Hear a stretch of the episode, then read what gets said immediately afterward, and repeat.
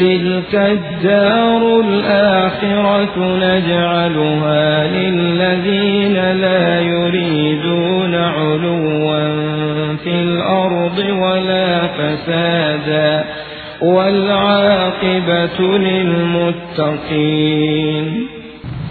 Dan kita kembali kepada pembahasan permasalahan at-tawadhu, fadluhu wa manzilatuhu minad-din. Pada pembahasan yang sebelumnya telah kita terangkan bahwasanya di antara fadilah at-tawadhu adalah seorang hamba akan dicintai oleh Allah Subhanahu wa taala dengan sifat tersebut. Sifat tawadhu adalah sifat yang mendatangkan mahabbatullah, kecintaan dari sisi Allah Subhanahu wa taala. Sehingga para aulia Allah, para kekasih Allah Subhanahu wa taala, orang-orang yang dicintai oleh Allah Subhanahu wa taala adalah berarti orang-orang yang memiliki sifat at-tawadhu. Sifat merendahkan dirinya. Tidak menginginkan popularitas. Tidak menginginkan ketinggian. Tidak menginginkan kemuliaan di dunia. Yang dia inginkan, yang dia cita-citakan, yang dia prioritaskan adalah kemuliaan dari sisi Allah Subhanahu wa taala. Kita ingat ayat yang sebelumnya dalam surat Al-Qasas. Tilka darul akhiratu naj'aluha lilladzina la yuriduna 'uluwan fil ardi wala fasada wal 'aqibatu lil. Ayat ini disebutkan oleh Allah Subhanahu wa taala setelah sebelumnya Allah Subhanahu wa taala mengisahkan tentang Qarun seorang yang banyak hartanya, banyak dunianya, banyak kekayaannya. Demikian pula memiliki sekian banyak perbendaraan harta. Sampai diterangkan oleh Allah Subhanahu wa taala mengisahkan tentang kunci perbendaraan Qarun menggambarkan demikian besarnya gudangnya Demikian pula menggambarkan demikian kayanya dirinya. Kata Allah Subhanahu wa taala wa inna mafatihahu la tanu bil usbati ulil quwwah. إذ قال له قومه لا لا لا تفرح إن الله لا يحب الفرحين Sesungguhnya kunci-kunci perbendaharaan Qarun tersebut yang bisa mengangkatnya adalah sekelompok orang yang kuat-kuat dari kaumnya mereka akan bisa mengangkat kunci tersebut. sehingga tidak bisa diangkat oleh salah seorang yang kuat di tengah mereka. Harus beberapa orang menggambarkan besarnya dan beratnya kunci perbedaan korun tersebut dan banyaknya hartanya di dunia ini. Akan tetapi ternyata dengan harta tersebut ataukah dengan dunia tersebut menyebabkan semakin lupanya dirinya dari menjalankan ketaatan kepada Allah Subhanahu wa taala dan memiliki sifat al-kibr, kesombongan di dalam hatinya. Ketika kaumnya mengingatkan bertakwalah kepada Allah Subhanahu wa taala. Ingatlah siapa yang memberikan kepada engkau kekayaan tersebut bukannya datangnya dari sisi Allah Subhanahu wa taala, maka dirinya mengatakan innama utitu ala ilmin indi. Awalam ya'lam anna Allah qad ahlaka min qablihi min al-quruni man huwa ashaddu minhu quwwatan wa aktharu jam'a fala yus'alu an dzunubihimul mujrimun.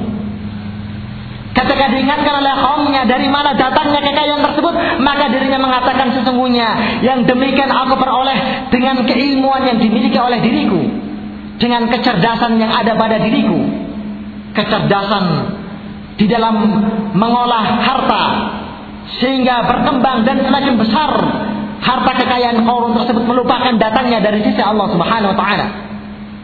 Kemudian Allah Subhanahu wa taala mengingatkan tidaklah dirinya mengetahui bahwasanya Allah Subhanahu wa taala telah membinasakan generasi-generasi sebelum dirinya. Dalam keadaan mereka adalah lebih kuat dari dirinya demikian pula lebih banyak hartanya. Dalam keadaan dosanya orang-orang yang mujrim tersebut tidaklah ditanya sehingga menyebabkan azab datang dari sisi Allah Subhanahu wa taala. Ini ikhwatana fila iyyakum. Kemudian ketika Allah Subhanahu wa taala mengisahkan kisah Korun dan ditenggelamkannya Korun ke dalam perut bumi ini Kemudian diakhiri dengan firman Allah Subhanahu wa taala, "Tilka ad-darul akhiratu naj'aluha lilladzina la yuriduna 'uluwan fil ardi wala fasada wal 'aqibatu lil muttaqin." Sebagai motivasi pada seorang hamba yang beriman kepada Allah Subhanahu wa taala bahwasanya kemuliaan adalah kemuliaan bahwasanya kemuliaan yang hakiki adalah kemuliaan di sisi Allah Subhanahu wa taala tidak bermanfaat harta tersebut tidak bermanfaat ar-riasa kemuliaan ataukah kepemimpinan tersebut di sisi Allah Subhanahu wa taala apabila ujung-ujungnya dirinya menolak yang namanya al-haq. Demikian pula ikhwatana fil a'azanallahu wa menggambarkan kepada kita tentang ibrah yang besar di mana sifat al-kibir tersebut biasanya terjangkiti oleh seorang yang enak hidupnya, banyak hartanya. Ketika seseorang mulai merasakan demikian nikmat hidupnya, ketika seseorang mulai merasakan bahwasanya seluruh keinginan yang dia inginkan bisa dia wujudkan, demikian pula dia nampakkan dengan apa yang dia miliki dari harta bendanya, mulai dia merendahkan orang-orang yang di bawahnya. Mulai dia merendahkan orang-orang yang membawa al-haq lantaran lebih rendah kedudukannya dibandingkan dirinya. Lantaran lebih sedikit hartanya dibandingkan dirinya. Mulai dia rendahkan. Kemudian akhirnya dirinya merendahkan al-huda al-haq dari sisi Allah Subhanahu wa taala dan rasulnya sehingga menyebabkan dirinya dibinasakan oleh Allah Subhanahu wa taala. Sehingga itulah sebab mengapa Rasulullah sallallahu alaihi wasallam bersabda dalam hadisnya yang sahih, "Ittalaqtu fil jannah ataukah fara'aitu fil jannah fara'aitu aktsara ahliha al-fuqara thumma talaqtu ila an-nari fara'aitu aktsara ahliha an-nisa. Aku melihat ke dalam al-jannah maka aku melihat ternyata kebanyakannya adalah dari kalangan orang-orang miskin, orang-orang lemah dari kaum muslimin. Demikian pula aku melihat ke arah neraka jahanam. Aku melihat kebanyakan penghuninya adalah dari kalangan kaum hawa, kaum wanita. Setelah sebelumnya Rasulullah Shallallahu Alaihi Wasallam dalam hadis yang sahih menerangkan tentang ahli jannah adalah dari kalangan orang-orang miskinnya, umat Islam, umat yang membenarkan Allah Subhanahu Wa Taala dan Rasulnya. Adapun ahli nar adalah dari kalangan orang-orang kayanya, yang dengan kekayaan tersebut akhirnya menyebabkan dirinya sombong dan menolak al-haq, merendahkan Rasul sallallahu alaihi wasallam, merendahkan pengikutnya. Ini ikhwatana fila Allah wa. Dalam sebuah hadis yang sahih sebuah kisah yang dikeluarkan oleh Muslim. Rahimahullahu taala. Di mana Rasulullah Shallallahu Alaihi Wasallam pada kisah tersebut diberi tawaran oleh mereka para pembesar-pembesar orang-orang Quraisy, pembesar-pembesar kafir Quraisy, para pemimpin mereka. Yang diharapkan kalau seandainya mereka itu beriman kepada Rasul Shallallahu Alaihi Wasallam akan membawa pengikutnya dan menjadikan daya Islam di tengah-tengah mereka orang-orang Quraisy. Tapi ketika mereka para kufar Quraisy tersebut melihat di samping Rasulullah Shallallahu Alaihi Wasallam terdapat orang-orang miskinnya kaum muslimin, Ibnu Mas'ud, Bilal dan yang lainnya. Maka mereka mengatakan, uh, utrut haula, la la la yatajarrauna alaina. Usirlah mereka itu katanya. Janganlah mereka berani untuk kemudian lancang atas kita katanya. Mereka merendahkan pengikut Rasul Shallallahu Alaihi Wasallam yang lemahnya. Dalam keadaan keimanan sempurna tertancap di dalam hati-hati mereka. Maka sempat Rasulullah Shallallahu Alaihi Wasallam condong terhadap tawaran mereka tersebut. Dan berkeinginan untuk kemudian mewujudkan tawaran mereka tersebut karena yang diharapkan. Kalau seandainya mereka mau mendengarkan al-haq kalau seandainya mereka mengikuti Rasul Shallallahu Alaihi Wasallam maka sekian sekian manusia berada di belakang mereka. Kemudian pada saat yang seperti itulah diturunkan firman Allah Subhanahu wa taala la tatrudil ladzina yad'una rabbahum bil ghadati wal 'ashyi yuriduna wajhah janganlah engkau mengusir orang-orang yang pada petang dan siang harinya atau sore harinya dirinya berdoa beribadah kepada Rabbnya dalam keadaan mengharapkan keridhaan Allah Subhanahu wa taala. Demikian pula yang semakna dengan yang tersebut adalah firman Allah Subhanahu wa taala fasbir nafsaka ma'al ladzina yad'una wajhah wa la ta'du 'aynaka 'anhum turidu zinatal hayatid dunya wa la tuti' man aghfalna qalbahu 'an dhikrina wattaba'a hawahu wa kana amruhu furuta Hendaklah engkau Muhammad bersabar duduk bersama orang-orang yang pada pagi dan sore harinya dirinya sedang senantiasa ikhlas berdoa beribadah kepada Allah Subhanahu wa taala dalam keadaan mengharapkan wajah keridhaan Allah Subhanahu wa taala. Walaupun mereka dari kalangan orang miskinnya. Janganlah engkau palingkan penglihatanmu dari mereka lantaran mengharapkan kehidupan dunia. Dan janganlah engkau mengikuti orang-orang yang mengikuti hawa nafsunya. Dalam keadaan kesudahan perkara mereka adalah furuta melampaui batas bentuknya. Ini khawatana fila Allah wa kisah yang masyhur tentang sebab musabab diturunkannya firman Allah Subhanahu wa taala abasa wa tawalla an ja'ahu al-a'ma wa ma yudrika la'allahu yazakka. Dalam surat abasa dikisahkan tentang asbab nuzuli hadhihi ayat sebab turunnya firman Allah Subhanahu wa taala tersebut.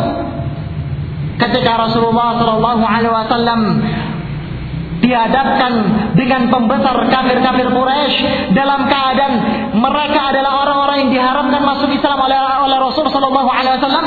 Kemudian ternyata Abdullah bin Umi Maktum mendatangi Rasulullah sallallahu alaihi wasallam dalam keadaan dirinya buta kedua matanya.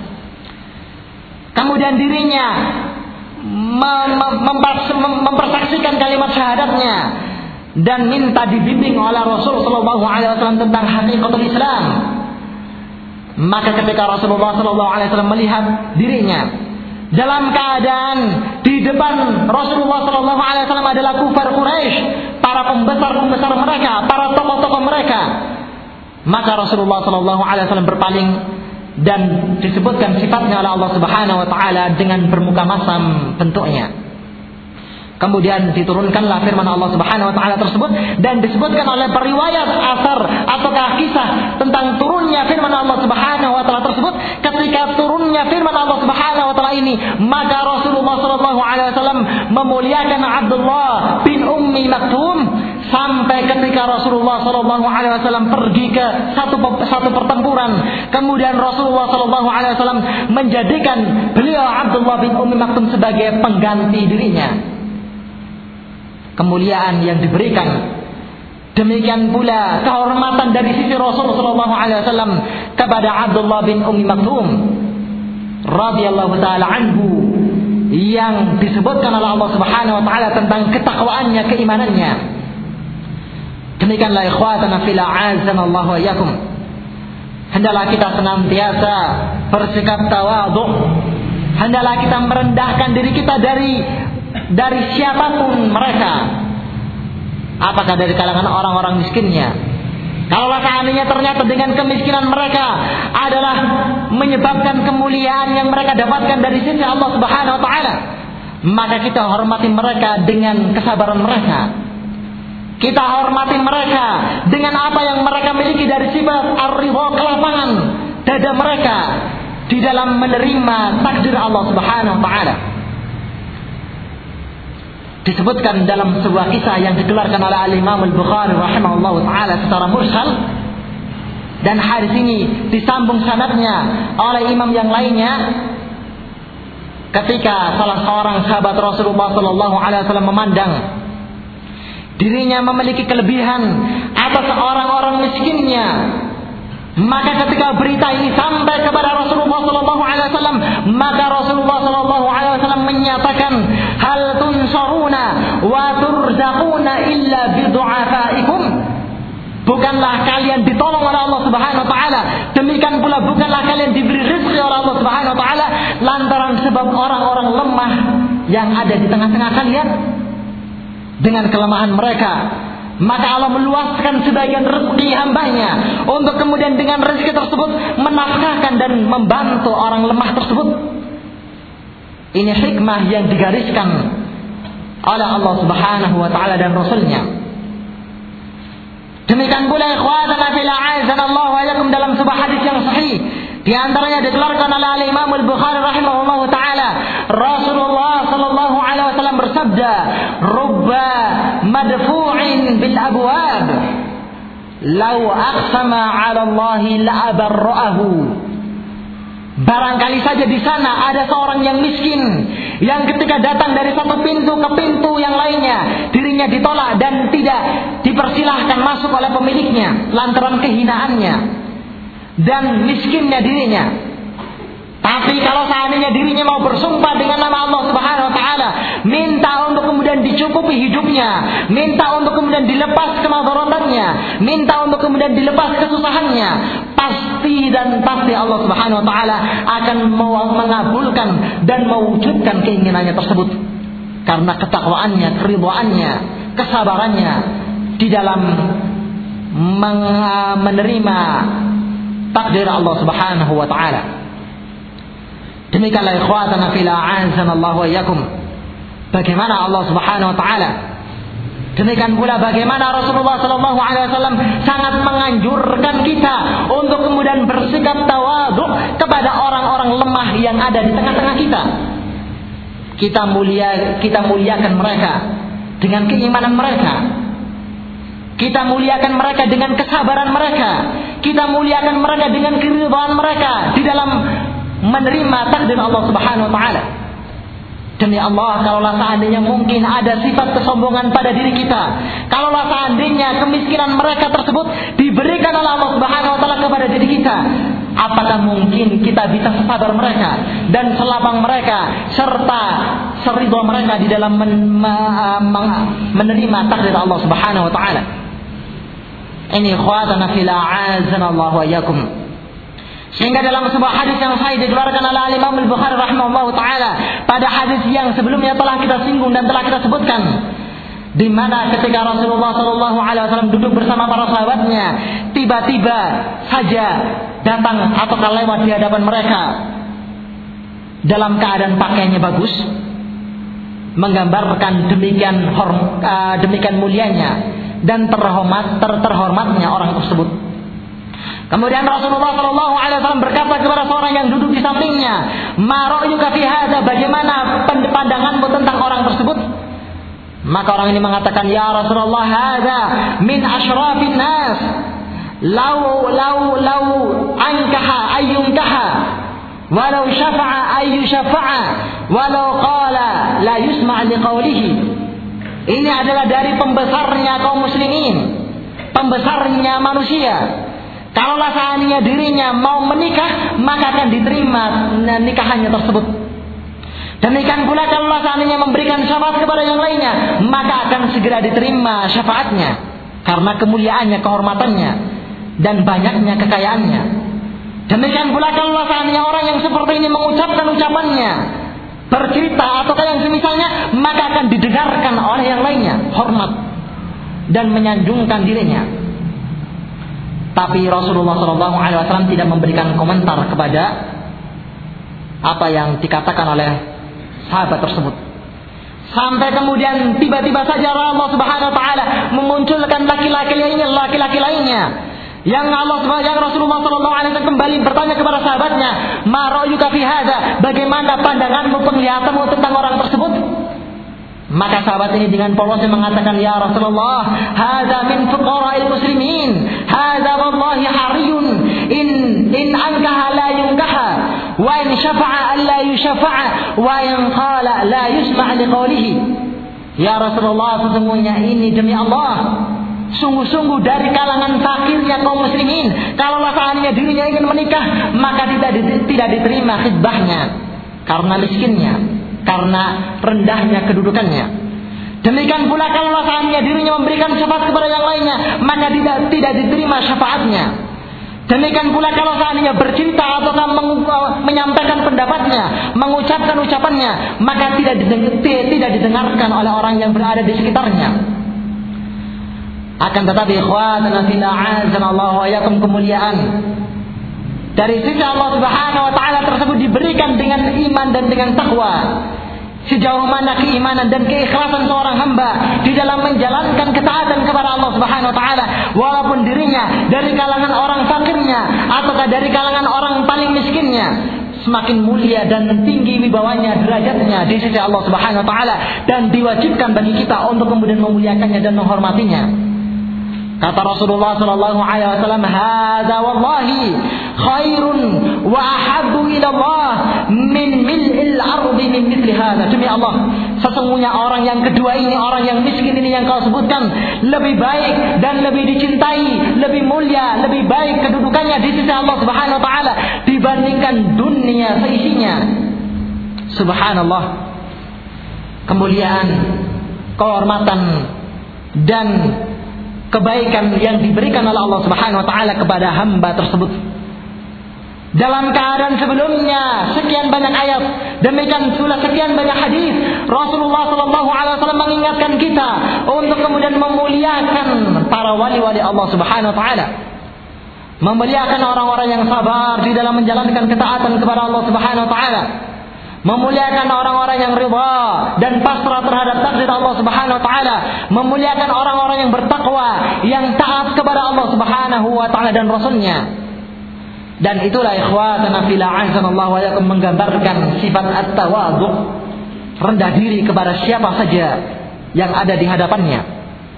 Bahkan terkadang dirinya menyangka orang yang berada di hadapannya tersebut lebih mulia dibandingkan dirinya di sisi Allah Subhanahu wa taala lantaran saking rendahnya, merendahkan dirinya, merendahkan wibawanya, derajatnya di hadapan orang yang berada di hadapannya. Terkadang semakin meninggikan wibawa derajat orang yang berada di hadapannya dan merendahkan derajatnya di sisi Allah Subhanahu wa taala dalam keadaan mungkin dirinya mulia dan lebih mulia di sisi Allah Subhanahu wa taala dibandingkan hamba tersebut. Tapi seluruhnya kesimpulannya ikhwatana fil Allah wa kita ingatkan kembali dengan hadis Nabi sallallahu alaihi wasallam وما تواضع أحد لله إلا رفعه الله تعالى. Taala tidaklah seorang hamba memberi memiliki sifat tawaduk merendahkan dirinya di hadapan yang lainnya. Hanya lantaran Allah Subhanahu wa taala maka melainkan Allah Subhanahu wa taala akan semakin mengangkat dirinya. Semakin dirinya amalkan sifat tersebut dan dia praktekkan kepada siapa pun yang berada di hadapannya maka semakin mulia dan tinggi derajatnya di sisi Allah Subhanahu wa taala. Mungkin terkadang apabila seorang mengamalkan dengan sifat ini, terkadang dirinya tidak menyangka bahwasanya apa yang diamalkan adalah kemuliaan. Bahwasanya apa yang dia usahakan tersebut adalah satu kewibawaan di sisi Allah Subhanahu wa taala. Lantaran rendahnya dirinya dan tawadhu'nya dirinya di hadapan yang lainnya. Kisah para ulama ahli hadis tentang bagaimana tawaduknya mereka terhadap orang yang menyampaikan hadis kepada mereka.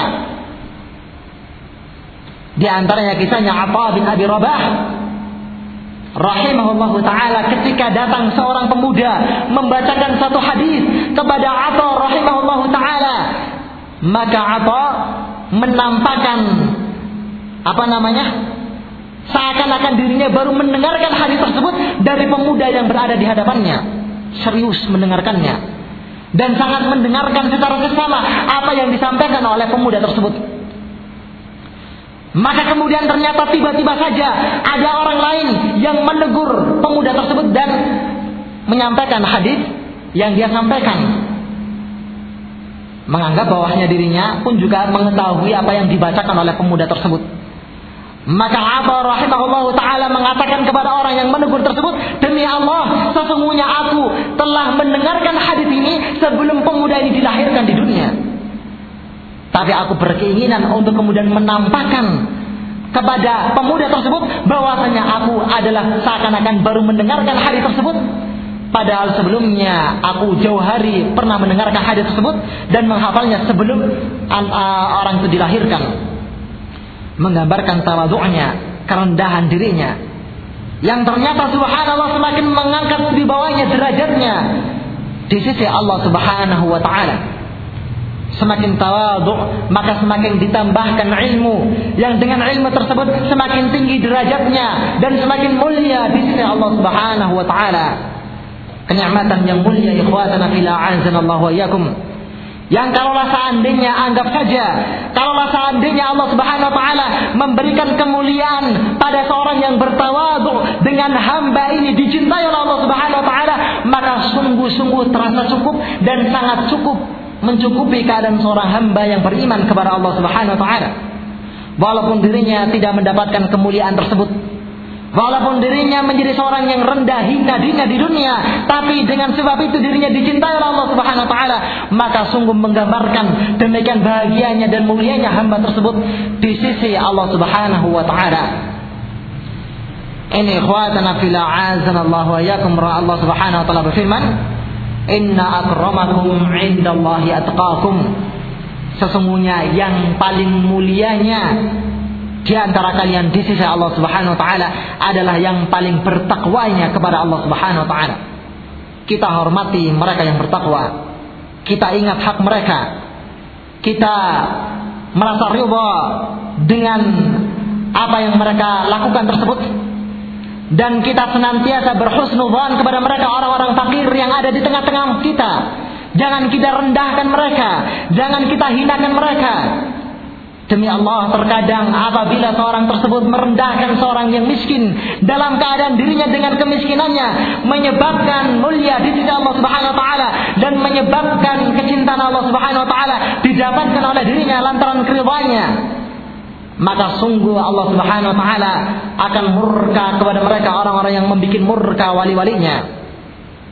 Dalam sebuah hadis yang sahih disebutkan oleh Al-Imam Nawawi rahimahullah taala dalam kitab Riyadhus Shalihin pernah Abu Bakar As-Siddiq radhiyallahu taala anhu menegur dan terkesan seakan-akan membuat marah keputusan atau ucapan orang-orang miskinnya dari kalangan para sahabat Rasulullah Shallallahu Alaihi Wasallam atas apa yang mereka ucapkan atau mereka perbuat pada waktu tersebut. Kemudian ketika berita ini sampai kepada Rasulullah Sallallahu Alaihi Wasallam, maka Rasulullah Sallallahu Alaihi Wasallam berkata kepada Abu Bakar As-Siddiq, "Lain kunta aghfabtahum faqad aghfabta rabbak." Kalau seandainya engkau ya Abu Bakar membuat marah mereka, maka sungguh-sungguh engkau telah membuat murka Rabbmu. Maka Abu Bakar As-Siddiq mendatangi mereka dan meminta maaf kepada mereka maka mereka pun mendoakan rahmat Allah Subhanahu wa taala kepada Abu Bakar As-Siddiq radhiyallahu taala anhu wa radhiyallahu taala anhum. Ini ikhwatana fillah Allah wa yakum mungkin ini yang bisa saya sampaikan pada pertemuan malam hari ini. Adapun sisa pembahasan insyaallah taala disampaikan pada pertemuan yang setelahnya. Wa subhanakallahumma bihamdika asyhadu an la ilaha illa ant astaghfiruka wa atubu ilaik. وصلى الله على محمد وعلى آله وصحبه وسلم تسليما مزيدا.